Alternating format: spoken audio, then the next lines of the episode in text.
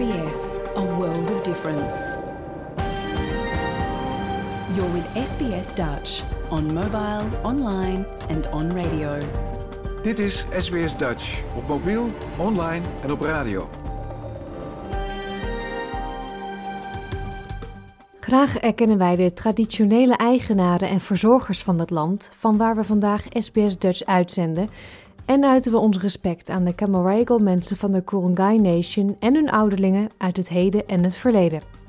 Ook kennen we de traditionele eigenaren van alle Aboriginal en Torres Strait Islander landen, van waar u vandaag naar ons programma luistert.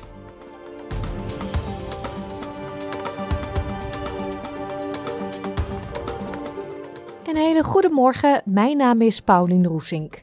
Het is zaterdag 6 mei 2023 en u luistert naar SBS Dutch, het Nederlandstalige radioprogramma van SBS. Vandaag geen nieuwsbulletin, maar wel aandacht voor de kroning van koning Charles. We maken kennis met zangeres Tess Merlot. De Boskoopse is dol op Franstalige muziek en schrijft haar eigen Franse chansons. De komende weken treedt ze op in WA. En Astrid van Schoonakker bespreekt twee boeken die met het thema migratie te maken hebben. Dat allemaal straks, maar eerst. Volgende week dinsdag, 9 mei, maakt de federale regering de begroting voor 2023-2024 bekend. De minister van Financiën zegt dat de druk op de kosten van levensonderhoud voor de meest kwetsbare Australiërs zal worden aangepakt. Ook komen er loonsverhogingen voor medewerkers in de ouderenzorg en wordt de kinderopvang goedkoper. Maar door stijgende inflatie en vastgelopen onderhandelingen over sociale huurwoningen en huurverlagingen staat Jim Chalmers voor een lastige zaak. Are you feeling good about it, Jim? I'll uh, ask me on Tuesday. Minister van Financiën Jim Chalmers staat volgende week voor een uitdaging nadat Reserve Bank Australia, de centrale bank van Australië, eerder deze week het tarief voor de contante rente met 0,25% verhoogde. Het teken dat de inflatie niet voldoende daalt. Minister Chalmers zal aankomende dinsdagavond rond half acht de begroting voor 2023-2024 overhandigen. Maar wat staat daar dan zoal in? De federale overheid heeft al loonsverhogingen aangekondigd voor de ouderenzorg. Goedkopere kinderopvang voor sommige Australische gezinnen en de verlichting van de kosten van levensonderhoud voor de meest kwetsbare Australiërs. Dr. Chalmers zegt dat de begroting de taak heeft om de kosten van levensonderhoud te verlichten zonder de inflatie aan te wakkeren.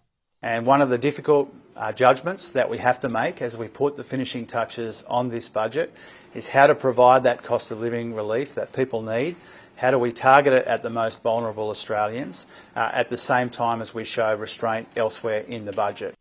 De regering heeft laten doorschemeren de jobseeker-uitkering te verhogen, maar sommige economen zeggen dat dit zou kunnen bijdragen aan de inflatie. CEO van de Grattan Institute, Daniel Wood, verwacht dat de regering voorzichtig zal handelen. The government is steering clear of the most expensive and far reaching proposal. The $132 a week increase to JobSeeker, recommended by the Economic Inclusion Committee, would cost the budget almost $6 billion a year and help 920,000 Australians on JobSeeker and related payments. Kinderopvang zal goedkoper worden voor 1 tot 2 miljoen gezinnen doordat er meer geld wordt vrijgemaakt. In de komende vier jaar zal de regering ruim 55 miljard dollar investeren om per 1 juli kinderopvang betaalbaarder te maken.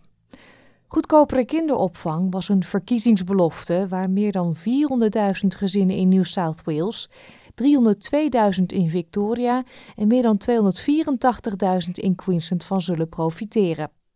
Maar volgens Jane Hume, woordvoerster financiën van de oppositie, moet de regering haar uitgaven binnen de perken houden om de hoge inflatie te beteugelen. We'll be forensically going through the decisions that are made in this budget, the policy announcements that are made, to make sure that they are not adding fuel to the inflationary fire, that they are not making a bad situation worse. De Labour-regering is ook van plan de ouderenzorg aan te pakken. Vanaf juli krijgt een kwart miljoen eerste lijns ouderenzorgmedewerkers een loonsverhoging van 15% Minister van Ouderenzorg Annika Wells zegt dat de sector te lang ondergewaardeerd is geweest. What that means for aged care workers, if you're a personal care worker, that means for you nearly $140 a week extra or $7,000 a year extra in your pay packet. If you are a registered nurse, it means $198 a week extra or nearly more than $10,000 a week extra. That is life changing money for people. Labour zal in vier jaar tijd 11,3 miljard dollar uitgeven om de loonsverhoging, die afgelopen november door de Fair Work Commission is bevolen, door te voeren. Maar Susan Lee, de vicepartijleider van de Liberalen, is nog niet verkocht. Unless the number one issue of inflation is tackled, those nominal wage increases are not going to translate into more spending money for Australians who work in this important area. Vanwege hoge grondstofprijzen heeft de begroting dit jaar te maken met een overschot. Maar er blijft een structureel tekort van meerdere miljarden dollars bestaan. Federaal minister van Financiën Jim Chalmers zegt dat de druk op de begroting aanzienlijk is. Uh, whether it's the interest costs on debt or the NDIS, aged care, healthcare and defence, the pressures on the budget are substantial. Dinsdagavond weten we meer. Dit was een verhaal van Henna Kwon voor SBS Nieuws in het Nederlands vertaald door SBS Dutch. Gaan we verder met een andere grote gebeurtenis. Nog een paar uur te gaan en dan wordt de Britse koning Charles III gekroond tot koning van Australië. Volgens Koningshuishistorici is het duidelijk dat hij een belangrijke stem heeft gehad in wat hij bij zijn kroning wil, maar dat was niet zonder controverse. Een deel daarvan wordt weerspiegeld in Australië. Tussen Londen en Sydney zit zo'n 17.000 kilometer, maar een vleugje koninklijke pracht heeft zijn weg down under gevonden. Een nieuw wassen beeld van koning Charles is onthuld onder het standbeeld van koningin Victoria in Sydney CBD. Het beeld wordt toegevoegd aan de collectie van Madame Tussauds in de stad. Michaela Mugloon is de operations manager van de attractie. He's actually wearing a suit that was made from the King's tailor himself. So, so much detail goes into the figures, um, which is why we're super excited to launch him. En hierdoor moesten sommige voorbijgangers twee keer kijken. I was standing there, I said, is it? Really? No way, there's so less crowd. But yeah, this is really realistic, yeah. Maar anderen waren daar niet zo zeker van. It's a fake, uh... Actually, I forgot his name. Het meest opvallende element van de kroningsliturgie is compleet nieuw. De traditionele Homage of the Peers wordt vervangen door een Homage of the People. Hierbij wordt iedereen in het Britse Rijk en gebieden over de hele wereld, inclusief Australië, uitgenodigd om trouw te zweren aan de koning, zijn erfgenamen en opvolgers. Koningshuishistoricus Dr. Elizabeth Norton zegt dat deze beslissing controversieel is. I think the idea was a way of bringing people into the coronation to make it not just sort of this slightly stuffy, distant ceremony where you know you have these peers in their robes and their coronets paying homage. It was to try and bring people in. Um, I think that it, that's not how it's been perceived in any way. Kirk Foster is medevoorzitter van de Australian Republic Movement. This is saying to every Australian of all of our 300 cultural backgrounds, this is saying to First Nations people very clearly, we're asking you to stand and cry out your allegiance to your ruler uh, and his heirs and successors. It's a disgraceful ask. Uit een opiniepeiling uitgevoerd door Roy Morgan, slechts enkele dagen na het overlijden van koningin Elisabeth, bleek dat 60% van de ondervraagden voorstander was van de monarchie, in plaats van een republiek te worden met een gekozen president. Uit een peiling van Pure Profile in opdracht van de Australische Republikeinse Beweging vorige maand bleek dat 64% van de ondervraagden het enigszins of sterk eens was met de volgende stelling. Het concept van monarchie is het tegenovergestelde van Australische waarden, zoals gelijkheid en een eerlijke behandeling. U hoort de campagnevoorzitter van de Australian Monarchist League, Eric Abetz. There's nothing broke about it. It definitely doesn't need fixing. And the one thing we don't want is the sort of circus that unfortunately the United States and other republics face. Op de vraag of mensen naar de kroning gaan kijken, wordt wisselend antwoord gegeven. Absolutely. I'm excited to see all the festivities and everything that's going to be going on. Probably going to be having a lovely quiche or some scones on the weekend to enjoy the festivities. Just the history, the legacy that the family has had, and also the legacy from the Queen. Um, that's what I want to see, and um, hopefully it'll be included in the ceremony. I didn't even know it was happening actually. no, not really interested. U hoort een verhaal van Tanja Dendrinos, gemaakt voor SBS Nieuws en door SBS Dutch vertaald in het Nederlands. Even een raadseltje. Wat hebben Boskoop, Parijs en West-Australië met elkaar te maken? Nou, het is het leven van Tess Merlot in een notendop.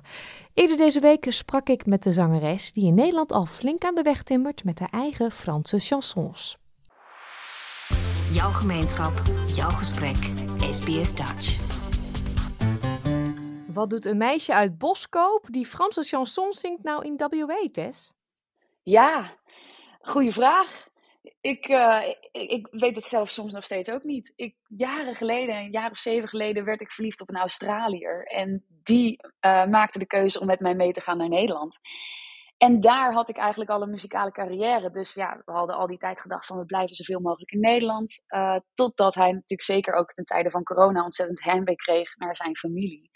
En we besloten om, om hier een tijdje heen te gaan. En toen dacht ik, ja, die muzikale activiteiten, die moet ik dan natuurlijk wel hier voortzetten. Maar ja, Frans is al lastig in Nederland. Hoe gaat het dan in Australië? Ja, daar ben ik uh, achter aan het komen.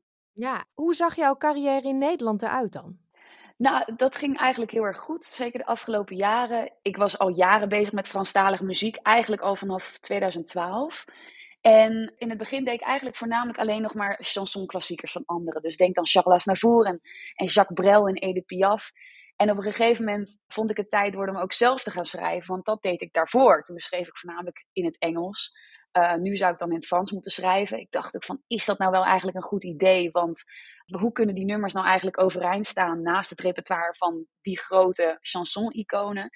Maar daar ben ik op een gegeven moment toch over gestapt, zeg maar. Want het, het, is toch wel heel erg leuk om je eigen muziek te maken. En als je erachter staat en je, je, ja, het is jouw muziek, dan kan het eigenlijk van nature overeind blijven staan tussen die muziek. Dus ik dacht, ik ga het gewoon proberen.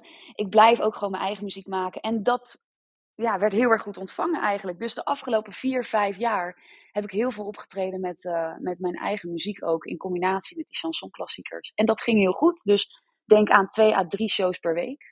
Ja, maar je maakt het jezelf wel moeilijk om het dan in het Frans te doen. Ja, klopt. Ja, maar het is, ik ben verliefd geworden op die taal. En ik merk ook gewoon dat ik daar mijn stem in heb gevonden. Dus uh, het is eigenlijk wat ik het allerliefste doe. Ik probeer ook nog steeds wel, ik zing nog steeds wel eens in het Nederlands. Ik heb nu ook een liedje uitgebracht, deels in het Frans. Een nummer in het Frans en dan hetzelfde nummer in het Nederlands. Maar het, het is toch niet hetzelfde. Ik heb echt gewoon ja, de swing van die, van die Franse taal die vind ik niet terug in het Nederlands en eigenlijk ook niet in het Engels. Maar daar ben ik ook best wel blij om. Ja, want je bent dus wel uniek. Maar waar is die liefde vandaan gekomen? Hoe is dat zo gegroeid? Ja, ja ik was een jaar of uh, 17, 18. Toen zat ik in een rockband. En uh, daar speelden we eigenlijk alleen maar muziek mee van... Uh, muziek van men, ja, onder andere Led Zeppelin, Deep Purple, Red Hot Chili Peppers, Rage Against the Machine. En Um, ik, ja, mijn zangdocenten die kon dat niet zo goed begeleiden. Want zij moest natuurlijk, ja, ik wilde dan iets zingen. Zegt Child in Time van Deep Purple. Zij ging achter de piano zitten en zeiden van, nou oké, okay, eerst even inzingen en dan gaan we dat nummer samen zingen. Maar zij kon dat helemaal niet begeleiden, want dat was veel te ingewikkeld voor haar of veel te lastig om alleen op een piano te doen. Dus uh, ja, kwam ze elke keer met van die verschrikkelijk gezapige popliedjes aan, wat er in die tijd hip was. Denk ik dus 2007. Zoals? Ja, goh, wat hadden we toen allemaal? Uh, dat is misschien net iets daarvoor, maar bijvoorbeeld Atomic Kitten of zo. Of oh, uh, Vanessa Carlton met uh, A Thousand Miles, dat soort muziek. Ja. En ja, ik vond dat gewoon eigenlijk helemaal niks. En ik deed dus ook mijn huiswerk niet. Want ja, waarom zou ik? ja, het was allemaal maar stom. En uh, waren maar geen leuke liedjes. En ik was heel erg stoer. En ik was een rocker. En ik was een skater. En uh, nee hoor, dan ging ik dat soort muziek niet zingen. Dus ik ja, deed helemaal niks daaraan, aan die zangles. Ik kwam elke keer onvoorbereid naar die, uh, naar die les. En ik had er ook heel weinig zin in. En dat zag zij ook.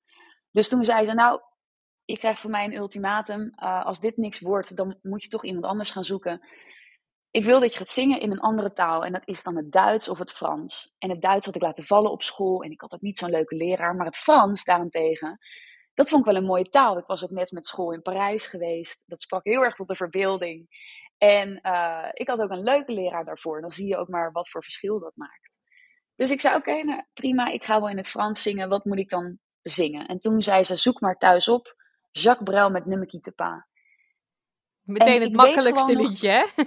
Ja, inderdaad. Ja, precies. Ja, voor ook een kind van 17 of een tiener van 17. Dus, um, ja, dus ik ging naar huis en ik weet nog dat ik ging zitten achter die grote computer van mijn ouders. En uh, uh, op YouTube dan Jacques Brel nummerkie te pa intikte. En ik had er eigenlijk niet zo heel erg veel uh, ja, vertrouwen in dat, dat, dat, ik dat, dat ik dat leuk zou vinden mooi zou vinden. Maar ik klikte die video open en er is een video, de video van de Mekitupa. Daar zingt Brel dat eigenlijk recht de camera in. En ik weet niet waarom en wat het precies met me deed. Maar het maakte zo'n indruk op me. En uh, vanaf dat moment was ik gewoon was ik verslaafd. In eerste instantie aan, aan Jacques Brel. Dus echt alles luisteren van hem. En vervolgens tuimelde ik natuurlijk in een soort eindeloze, bodemloze put van ja, chansonrepertoire. En dat heeft jaren geduurd voordat ik er eindelijk echt zelf iets mee deed. Want ik zong dat liedje voor die zangdocenten. En daarmee was dan de kous een beetje af. Maar dat chanson bleef toch wel een klein beetje in mijn achterhoofd zitten. Hmm, maar dan lijkt het me voor een, nou ja, je zei 17, 18-jarige, nog wel een hele stap om dan verder te gaan. En je zat in een band, rock, het is niet echt hetzelfde. Nee. je moet toch een soort van wilskracht hebben, want de Franse muziek, we kennen al die klassiekers wel, maar heel veel nieuwe Franse muziek, ja, dat is toch niet aan de orde van de dag in Nederland. Nee, precies. En, en ik dacht ook dat er helemaal niemand op zou zitten wachten, om eerlijk te zijn. En bovendien dat ik ook niemand bereid zou vinden om, uh, om die muziek met mij te spelen. Want dat was toch helemaal niet stoer en hip. En inderdaad, die klassiekers kennen we allemaal. Of die kennen we misschien van onze ouders of van onze grootouders. Maar wat is daar nou aan om dat dan te gaan spelen, dacht ik. Um, dus ja, ik heb eigenlijk een paar jaar daarmee een beetje rondgelopen met de vraag van ja, wat kan ik hiermee? Misschien moet ik dat dan gewoon een keer eenmalig doen of zo.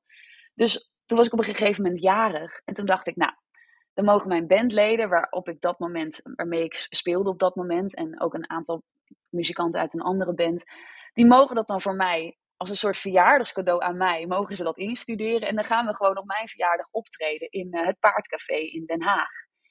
Dan nodigen we daar vrienden voor uit en dan maken we een openbaar event van. Dus dan kan iedereen komen. En zij hadden dus een nummer of 8, 9, 10 hadden zij ingestudeerd. We speelden dat voor dat publiek. En zowel het publiek als de muzikant op het podium vonden het eigenlijk echt te gek. Dus de mensen in het publiek die zeiden, joh, dit moet je vaker doen. Maar ook mijn muzikanten zeiden, ja, dit is zulke leuke en uitdagende muziek en zoiets anders dan wat wij doorgaan spelen. Dit willen we wel vaker doen. En dat was voor mij net de juiste motivatie om dan hier echt serieus iets mee te gaan doen. Hmm. Nou is een liedje zingen in het Frans nog weer wat anders dan zelf liedjes schrijven in het Frans. Heb je heel veel Franse lessen genomen nog? Heb je die leuke leraar weer opgezocht of zo? Nee, die heb ik ook eigenlijk niet zo heel vaak meer gezien. Die, die Franse leraar van de middelbare school die is wel nog een paar keer naar optredens gekomen. Dus dat is wel heel erg leuk. Maar ik merkte op een gegeven moment wel dat ik wat aan mijn Frans moest gaan doen. Want het was heel erg vijf HAVO Frans en dan had ik erg mijn best gedaan. Maar dan toch, ja, Frans dat je op school leert is natuurlijk, daarmee overleef je het niet als je, uh, als je Frankrijk ingaat. Nee, daar kan je dus, een hotelkamer mee reserveren of de camping. Precies, net aan. Of een biertje bestellen of zo. Ja. Daar houdt het dan bij op. dus uh, ja, of van die hele rare dingen. Ik weet niet of jij je dat nog herinnert van Franse les, maar je moest altijd belachelijke dingen leren. Bijvoorbeeld waar het VVV-kantoor is. Dat is een van de eerste woorden die ik leerde. En dat, dat, dan stond er in dat boek, dat heet Le Syndicat d'Initiative.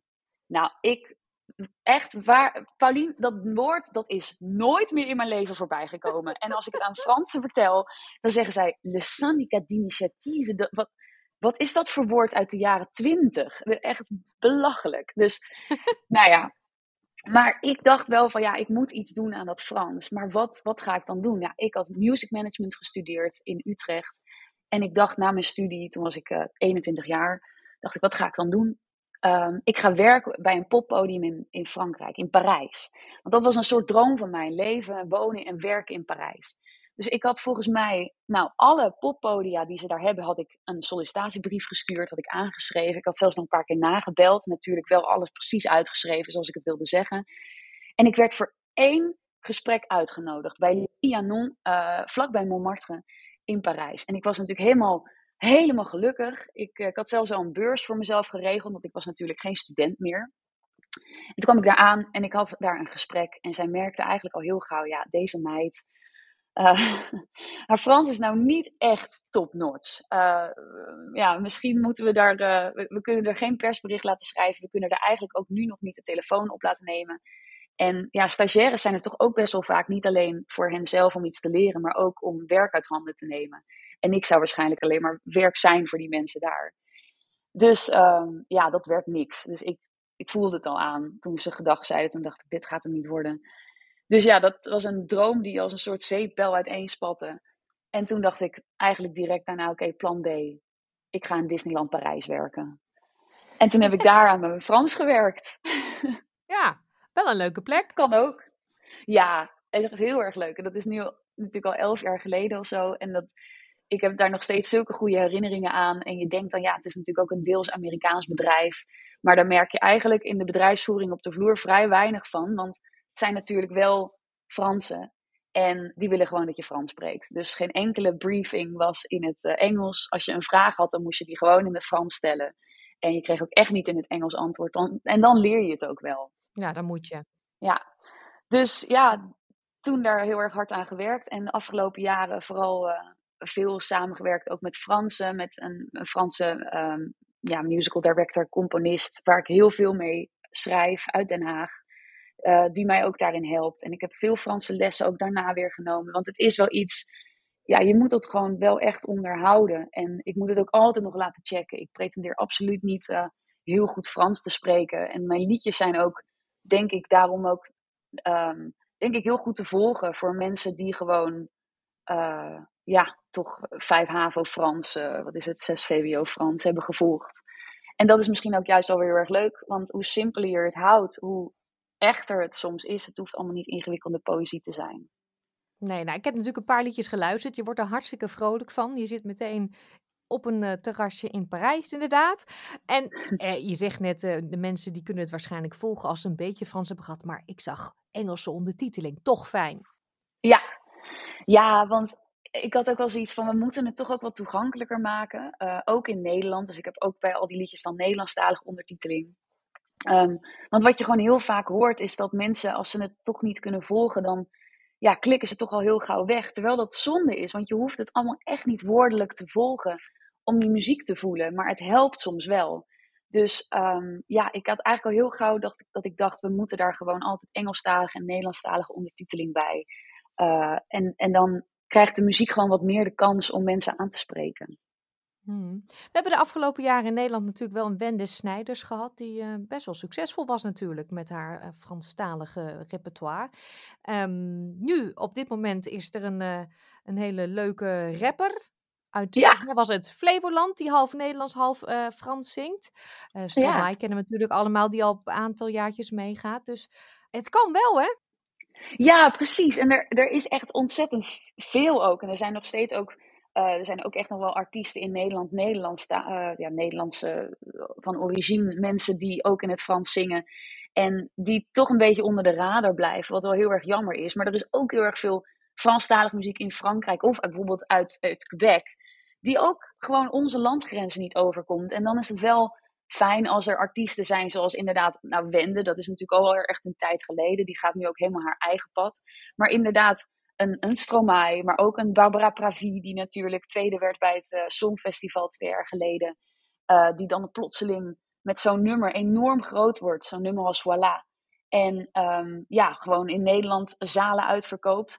Een Christine and the Queens was jaren geleden heel erg populair. En nu dus inderdaad onze eigen. Dat klinkt dan altijd alsof we het allemaal ons moeten toe-eigenen. Maar Claude, een hele jonge, leuke gast. Die inderdaad half in het Frans, half in het Nederlands uh, zingt en rapt. En dat ook echt heel goed doet. Want het, het is echt ontzettend aanstekelijke muziek. En het past precies in de sfeer van nu en wat jongeren leuk vinden. Want dat is wel iets wat ik me realiseer. De muziek die ik maak is heel erg gemaakt vanuit mijn eigen, ja, mijn, mijn eigen voorkeuren en mijn eigen sound of zo. Dat, dat past misschien helemaal niet bij wat 17-jarigen leuk vinden.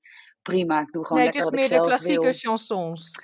Precies, ja. Ja. Maar ja, zo'n kloot, daar kan ik wel heel erg graag naar luisteren hoor. En daar word ik wel heel erg blij van, omdat dat gewoon die Franse taal weer een boost geeft in Nederland. En dat heeft het wel echt nodig. Mhm. Is het moeilijk om nou dan ook hier in Australië op het podium te kunnen spelen? Nou, ik, ja, ik had dus gedacht dat dat wel lastig zou zijn. Ik kwam hier ook compleet bleu aan. Ik had zoiets van, nou, het zou al leuk zijn als ik bijvoorbeeld in de eerste vier maanden twee keer zou kunnen optreden ergens. En dan maakte me niet, thuis, niet echt uit waar het is. Ik had natuurlijk, ik zit dus in het zuidwesten, dus ik dacht, nou, je hebt natuurlijk al die wineries, dus wellicht is daar interesse in. En eh, eigenlijk al heel gauw kwam ik in aanraking met een paar geweldige muzikanten hier. En dankzij hen is het eigenlijk heel snel gegaan, want iedereen vindt het toch wel heel erg bijzonder en een soort exotisch of zo. En er zijn ook heel erg veel Fransen in dit gebied die het fantastisch vinden om die muziek weer eens te horen. En ook openstaan voor nieuwe muziek en, en eigen liedjes. Dus uh, ja, ik had al heel gauw een, een paar optredens. En ik merkte gewoon dat bij elke show die ik speelde, er was altijd wel een Frans iemand aanwezig. En voordat ik elk nummer uh, speel, dan introduceer ik het altijd heel even kort met waar het over gaat. Natuurlijk niet een te lang verhaal. En ik probeer het ook wel zo te doen dat de mensen die basis Frans hebben, dat die bepaalde woorden herkennen. Bijvoorbeeld woorden die ook in het Engels gebruikt worden. Zo'n woord als, als rendezvous of zo. Als ze dat dan herkennen in dat nummer, of ik kijk even naar ze en dat ze denken, oh, dat is dat, is dat woord, heb je toch het gevoel dat je mee kan komen met die taal. Dus uh, ja, het, het is natuurlijk niet heel erg, uh, ja, het, het, is doorgaans niet wat je heel vaak hoort, of wat je überhaupt echt hoort hier. Maar ik denk dat dat juist ook wel de kans is daaraan. Dat mensen denken, oh, dat is bijzonder en uniek en dat wil ik wel eens horen of, of zien of meemaken. En dat mensen dan toch komen kijken. Dat is mijn ervaring tot nu toe. Ja, tot nu toe dan wel alleen voor de mensen in WA, heb ik begrepen. Hè? Daar heb jij de aankomende weken optredens gepland staan. Ga je nog toeren door Australië?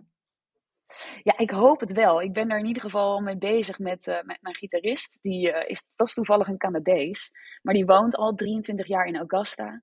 En um, mijn pianist die woont in Yellingup. En dat, dat, ja, die jongens die hebben echt door heel Australië al gespeeld. En die kennen dus ook heel veel plekken. Dus die zaten al te kijken naar ja, waar kunnen we spelen in Melbourne en waar kunnen we spelen in Sydney. En ja, dan ga je natuurlijk wel een beetje dromen over een hele lijst met shows waar je gewoon van de ene kant van Australië naar de andere kant gaat. Um, dus ja, en als er maar genoeg animo is natuurlijk. Dus als ik maar genoeg uh, reacties krijg ook van mensen die zeggen, joh, kom hierheen. Of uh, ja, je moet toch ook een klein beetje, je moet, je moet een beetje geluk hebben en je moet de juiste mensen om je heen hebben. En ik heb het gevoel dat ik nu de juiste muzikanten om me heen heb die me ontzettend helpen met alles en aan wie ik echt heel veel te danken heb. Uh, dus nou moet er ook een beetje geluk bij komen kijken. Ja, ik, ik hoor de passie gewoon als je erover vertelt. Hartstikke leuk. Dankjewel. Je schrijft uh, je eigen liedjes, dat zei je al. Um, Mon Paris is er daar één van, hè? die gaan we draaien. Vertel er ja. eens iets over. Nou, ik, dat was het eigenlijk het allereerste liedje dat ik ehm, dat ik uh, zelf schreef.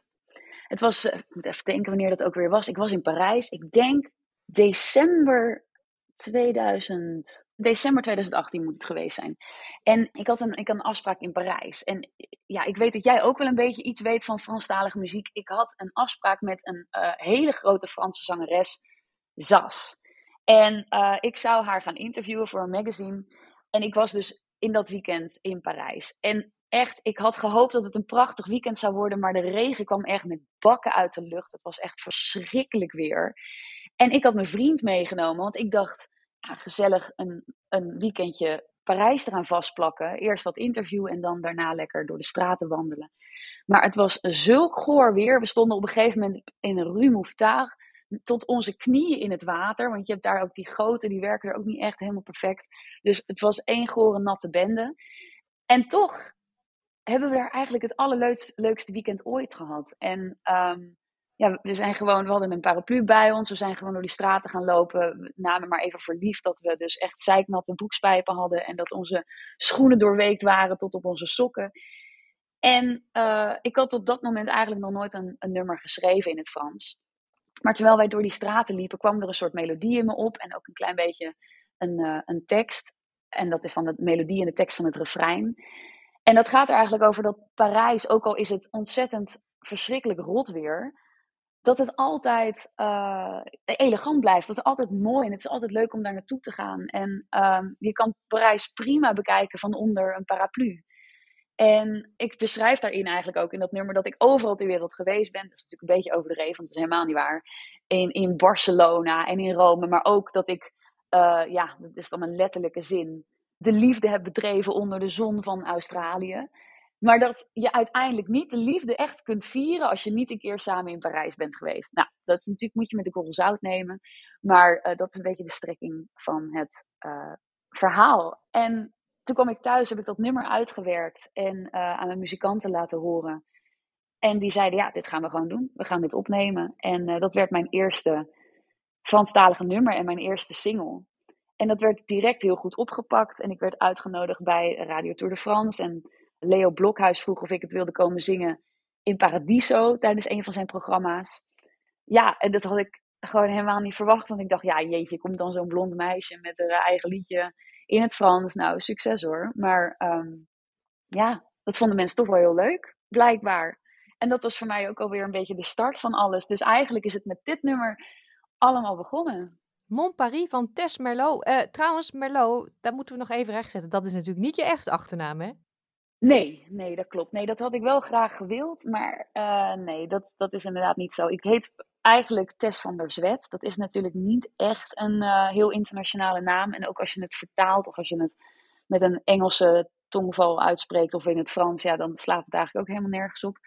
Dus ik dacht, ik moet daar toch iets mee doen als ik de grens over wil. En, en ja, het moet ook Frans klinken en iedereen moet het kunnen uitspreken. En toen kwam mijn vriend, mijn Australische vriend, dus met uh, Merlot. En toen dacht ik eerst, ja, ik weet het niet. En toen heb ik er een nachtje over geslapen. En de volgende ochtend dacht ik, ja, ja, dat moeten we doen. Dus Tess Merlot.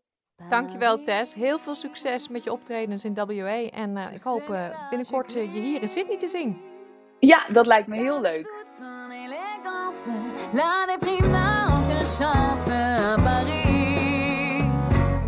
J'ai bien tenté m'amuser à Barcelone, mais m'éveiller du lycée de Rome et dans ce monde qui me séduit à chaque seconde. Je ne jouis vraiment de la vie dans mon petit coin paradis. Moi j'ai trouvé l'homme de ma vie en Asie, on s'est aimé sous le soleil de l'Australie,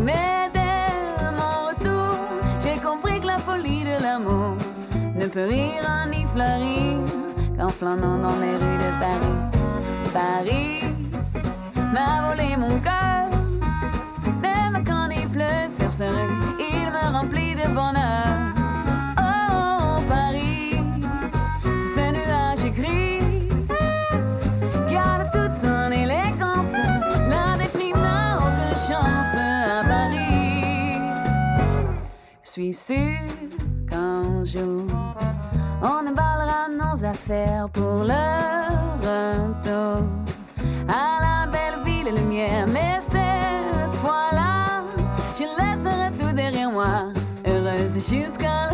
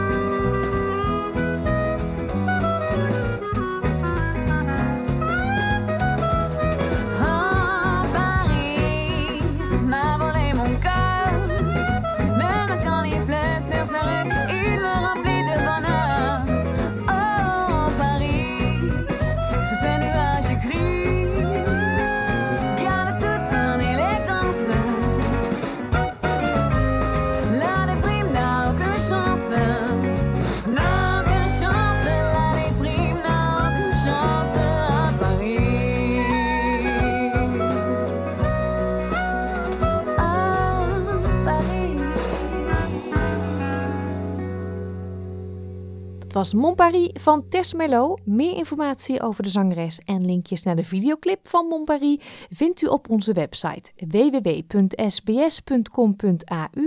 Dutch. Een nieuwe maand betekent een nieuwe boekentip van Astrid van Schoonakker.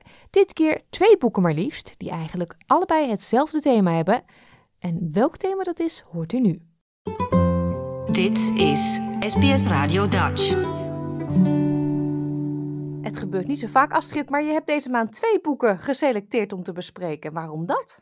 Dat klopt. Nou ja, eigenlijk omdat het ene boek een heel mooi uh, historisch uh, en toch ook wel huidig kader geeft bij het andere boek. en dat is om uh, met het eerste boek te beginnen. Dat is het boek De Vluchtelingenrepubliek, een migratiegeschiedenis van Nederland. Dat is onder redactie verschenen van David de Boer en Geert Jansen.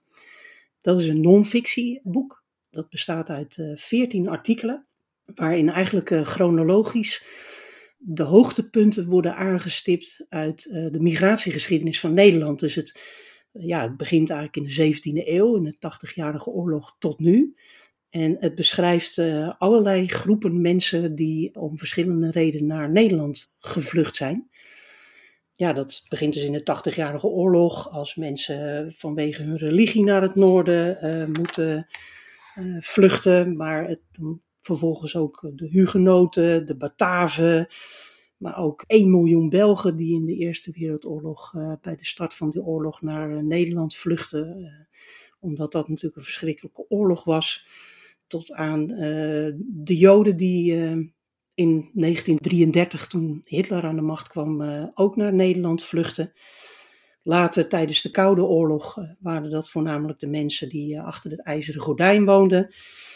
En eh, dat waren eigenlijk allemaal vluchtelingen. Die werden toen ook altijd vluchtelingen genoemd. En in de jaren negentig veranderde dat. Toen werd de term asielzoeker in het leven geroepen. En toen kwamen er met name mensen uit landen als Afghanistan, Irak, Turkije. Nou ja, heel veel mensen die kwamen richting Nederland. En ja, van dit boek vind ik het wel heel mooi dat je daardoor, als je het leest, beseft dat het eigenlijk van alle tijden is. En het niet zo is dat sommige mensen nu denken van nou, in de laatste tijd loopt het uit de hand. Dus het geeft ook een heel mooi inzicht um, waarom mensen vluchten en, en dat ze dat ook niet zomaar doen.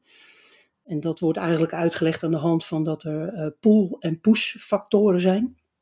En uh, push-factoren, dat, uh, nou ja, dat kan ook de, bijvoorbeeld de religieuze overtuiging of uh, seksuele geaardheid zijn waarom mensen moeten vluchten omdat ze anders vervolgd worden of misschien wel vermoord in hun eigen land.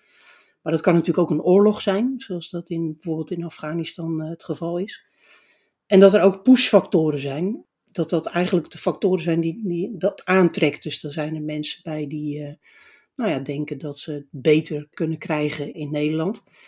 En het meest bijzondere daarvan vond ik wel om te lezen dat uh, in uh, de 17e eeuw en later ook in de 18e eeuw, dat de Nederlandse overheid juist ook mensen trok. Uh, dus vooral ook handelaren en grote nou ja, fabrikanten die bijvoorbeeld in het textiel zaten in de zuidelijke Nederlanden. Want ja, als die naar het noorden kwamen, dan werd er weer meer geld verdiend. En dat soort mensen waren zeer welkom in die tijd. Nou ja, en dat geeft eigenlijk een heel mooi uh, beeld van vroeger naar nu. Maar ze beschrijven ook hoe eigenlijk het nu gaat in Nederland. Dat als mensen aankloppen, dat je dan nou ja, door de molen moet bij, bij de IND. En dat het hele lange procedures zijn en dat mensen soms vier, vijf, zes jaar moeten wachten.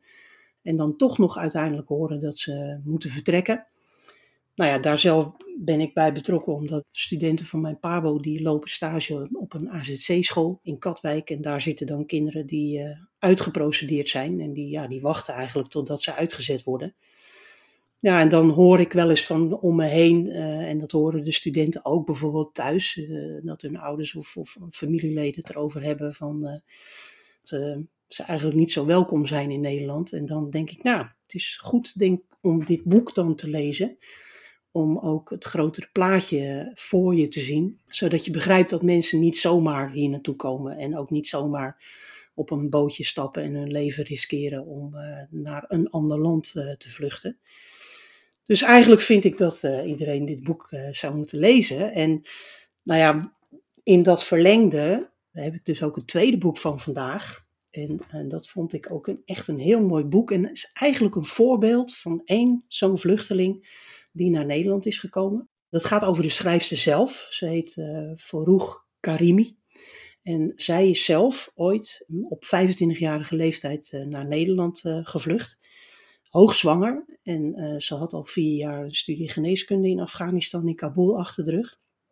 En toen kwam ze in Nederland terecht en is in een AZC bevallen van haar zoon. En heeft haar studie afgemaakt, Nederlands geleerd en is gaan werken als psychiater.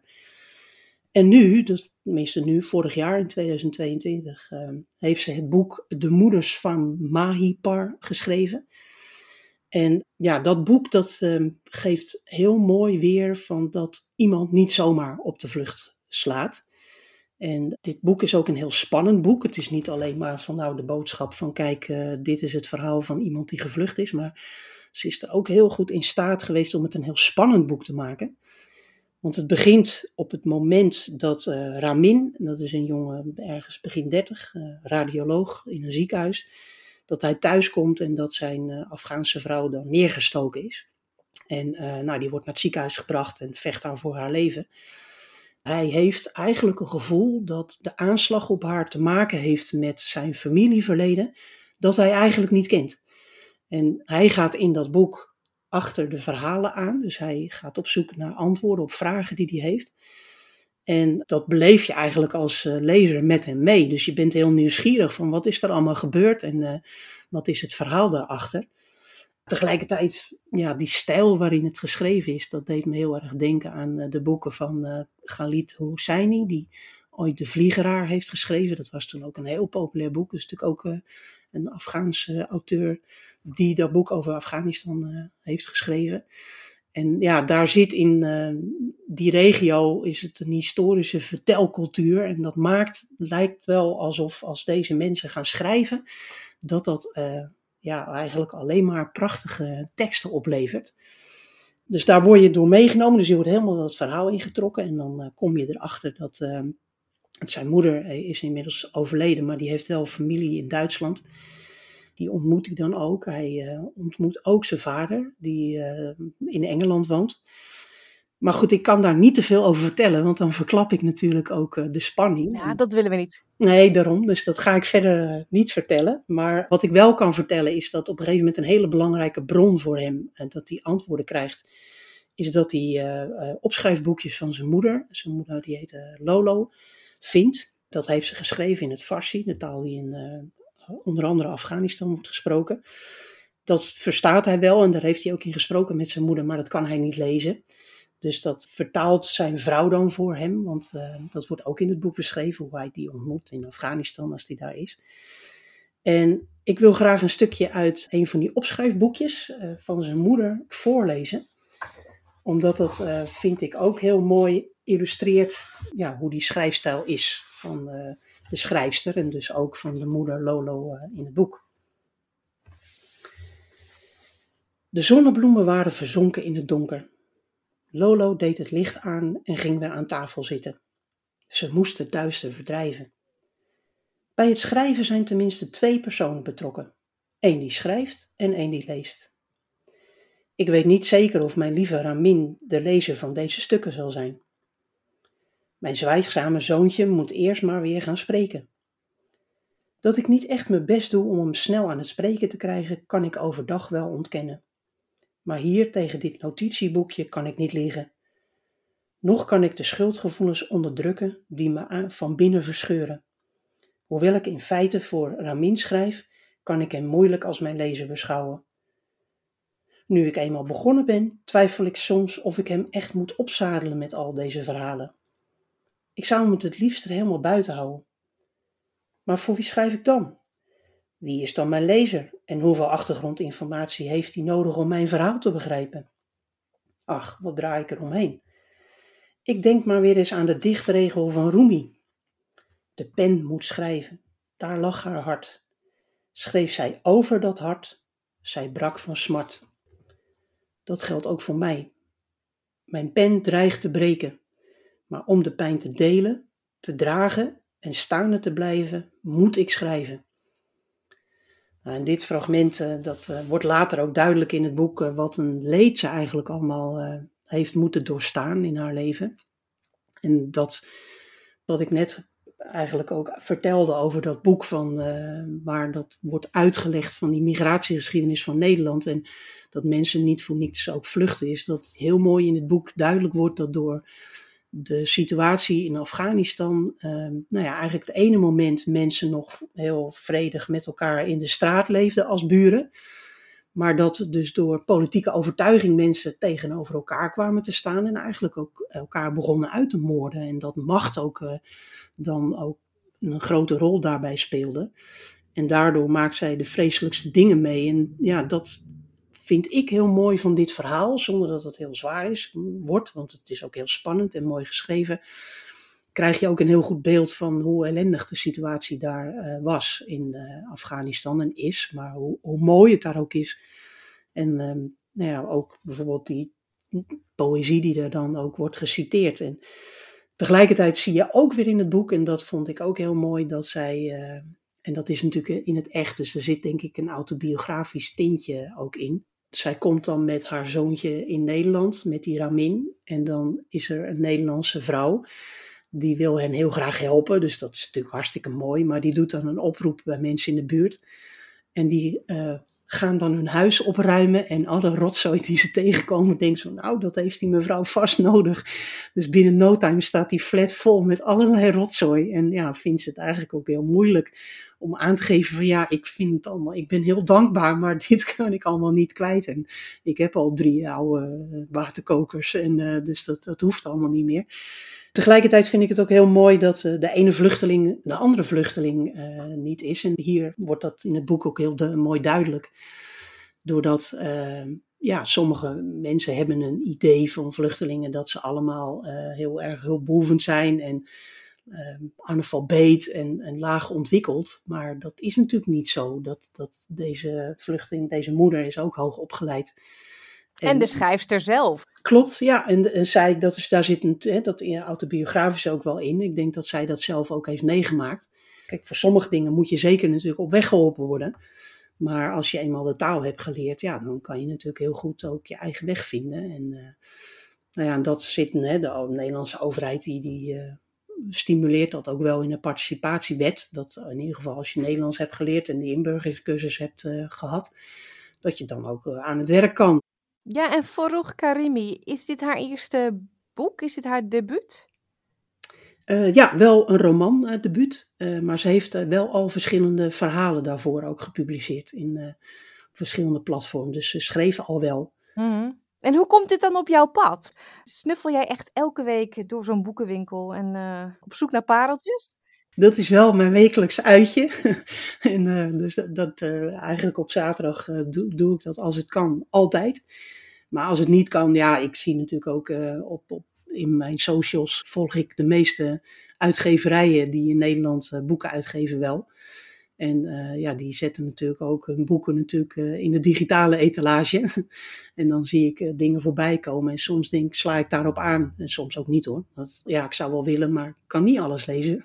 En als jij de winkel inloopt, de plaatselijke boekenwinkel, is dan ook... Astrid, kom hier, deze. Die moet je echt lezen. Ja, zeker. Ja, en, bij, in Lisse, waar ik ook wel met enige regelmaat kom, daar, nou ja, dat, kijk ik altijd wat het mooiste is. En dat is ook wel, vind ik leuk, in waar ik woon. Ik kom dan in verschillende boekhandels.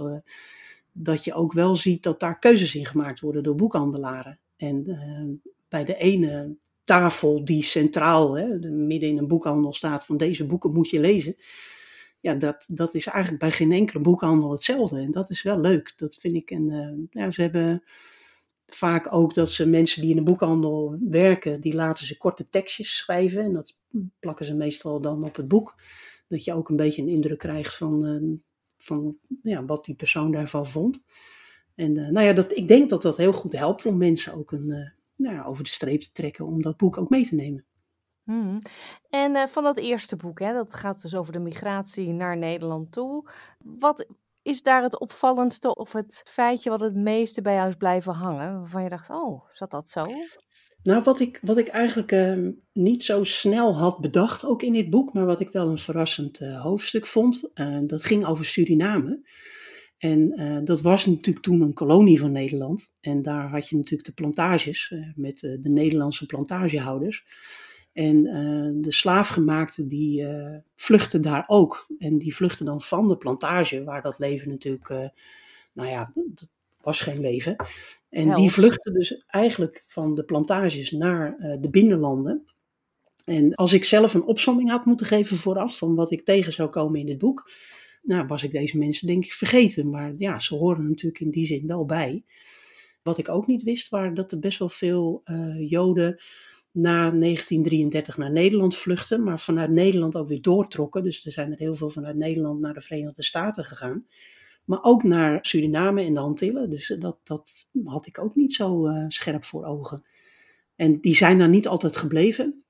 Uh, de meeste niet, maar sommige ook wel. En uh, nou ja, dat verklaart waarom er natuurlijk ook uh, in Parimaribo, overigens naast de moskee, staat daar ook gewoon een Joods gebedshuis. En dat vind ik wel heel bijzonder in de Keizerstraat in Parimaribo, dat die twee gebedshuizen gewoon naast elkaar staan. Ja, mooi zo deze combinatie. Ja, vond ik ook. Ja, de Vluchtelingenrepubliek en de moeders van Mahipar. Dankjewel Astrid. Graag gedaan. Tijd nu voor een overzicht van enkele opvallende nieuwsberichten uit Nederland van de afgelopen week. Dit keer met dank aan de NOS.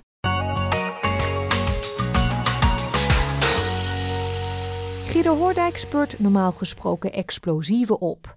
Maar begin deze week ging hij net als andere bodemonderzoekers op zoek naar de vermeende nazischat van Ommeren. Het was de laatste dag dat de gemeente de speurtocht naar de mogelijke schat toestond. U hoort Guido zelf en amateurstreekhistoricus Joke Honders. Nou, we hebben uh, magnetometriekar. Ja. Er zitten vier me metaaldetectoren, zo kun je het eigenlijk noemen, zitten eraan. Uh, wat doen die? Die meten het verstoring in het aardmagnetisch veld. Ja, als er ijzer bevat, als er ja, ijzeren ja. kisten zijn, ja, of als er ijzer omheen zit of bij in zit. Ja, ja. dat is zeker een spannende dag. Maar nu, vandaag zullen we het weten. Ligt het er of ligt het er niet? Wat denkt u? Nou, ik denk dat het toch wel niet meer ligt, denk ik. Nee? Nee, nee, maar het is ook om uit te sluiten van, nou het ligt er niet meer, we kunnen het hoofdstuk afsluiten. Het wordt goed vastgelegd, zodat ze niet over 75 jaar weer kunnen gaan graven. Ja, dat is waarschijnlijk daar waar ik begonnen ben met lopen. En dat is waar de, de paal van, de, van het verkeersbord staat. Oh ja. Dus dit is de uitslag van de paal van het verkeersbord. Helaas, voor alle schatzoekers werd er niets aangetroffen. Het gaat niet goed met natuurgebied De Mijnweg. Het gebied ligt vlak bij bruinkoolmijnen in Duitsland, waar water uit de mijnen wordt gepompt om ze toegankelijk te houden. Helaas heeft dit een negatief effect op het Limburgse natuurgebied, want dat droogt hierdoor ook uit met veel nadelige gevolgen voor flora en fauna. Jan Boeren, ecoloog bij de provincie Limburg, legt uit. De adder, eh, dat was de, de soort van dit gebied. Er zaten meer dan 100 adders op het hele gebiedje op 8 hectare of zoiets. En nu zit er geen enkele meer. En de adder is wel het symbool van de mijnweg. Dus die zijn we kwijt op dit gebied. Het is heel droog. Je ziet de pijperschrootje. Je ziet de gagel, die overleefde nog net. Je ziet af en toe een dopheideplantje, maar eigenlijk het is geen, het is geen vochtigheid. En het gaat van een vochtigheid, wat is eh, aangewezen als Natura 2000 habitattype heet het dan. Dus het doel wat we hier moeten halen is vochtigheid. Dat zie je overgenomen worden door, door droogheid. Dus door, door struikheidevegetatie. Eh, Natura 2000 heeft een verslechterings. Eh, het mag niet verslechteren ten tijde van aanwijzen. En hier verslechtert het heel erg.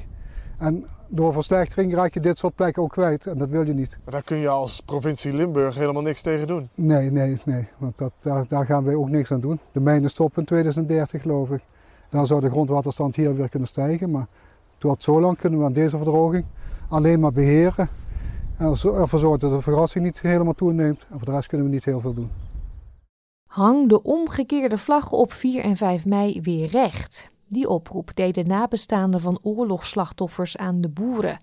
Sommige boeren geven daar gehoor aan, maar Farmers Defence Force houdt voet bij stuk. Allereerst vertelt Grietje Groenbroek, moeder van een gesneuvelde militair, waarom de omgekeerde vlag haar wat doet.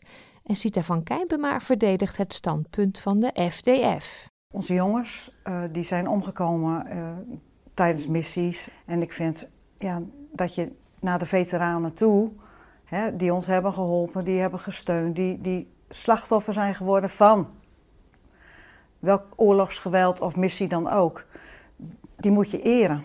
En dat doe je niet met een omgekeerde vlag. Waarom kunnen we die vlaggen dan niet omdraaien voor twee dagen?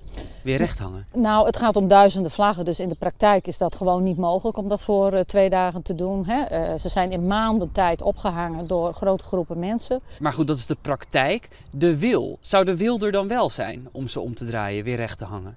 Ik denk dat de nood bij heel veel boeren zo hoog is dat die wil er voor die twee dagen ook niet is, omdat de noodsituatie nog steeds voortduurt. Bezoekers van dierenpark Amersfoort konden afgelopen week poep van hun huisdier inleveren. De poep komt terecht bij onderzoekers van het Academisch Centrum Tandheelkunde Amsterdam. Poeponderzoeker Henk Brands vertelt wat ze van de poep kunnen leren. Normaal gesproken onderzoeken we menspoep. En in die menspoep zitten enzymen en die enzymen breken eiwitten af. Nou, je hebt allerlei soorten eiwitten die afgebroken moeten worden. Er zijn ook allerlei soorten enzymen. En die enzymen komen in je poep terecht en in je poep kunnen we dat meten.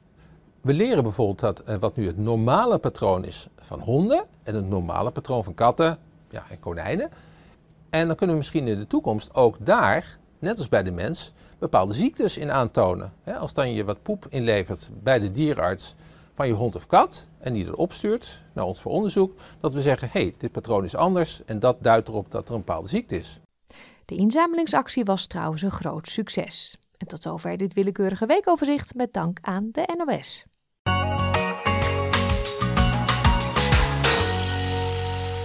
Hiermee komen we aan het einde van deze aflevering van SBS Dutch op deze zaterdag 6 mei. Op onze website www.sbs.com.au/dutch kunt u deze uitzending en al onze andere verhalen en podcastseries terugluisteren. Ook kunt u de gratis SBS Radio app downloaden. Ook daar is alles terug te luisteren. Ga naar de App Store of Google Play. Ik wens u een heel fijn weekend en graag tot woensdag. Like, deel, geef je reactie. Volg SBS Dutch op Facebook.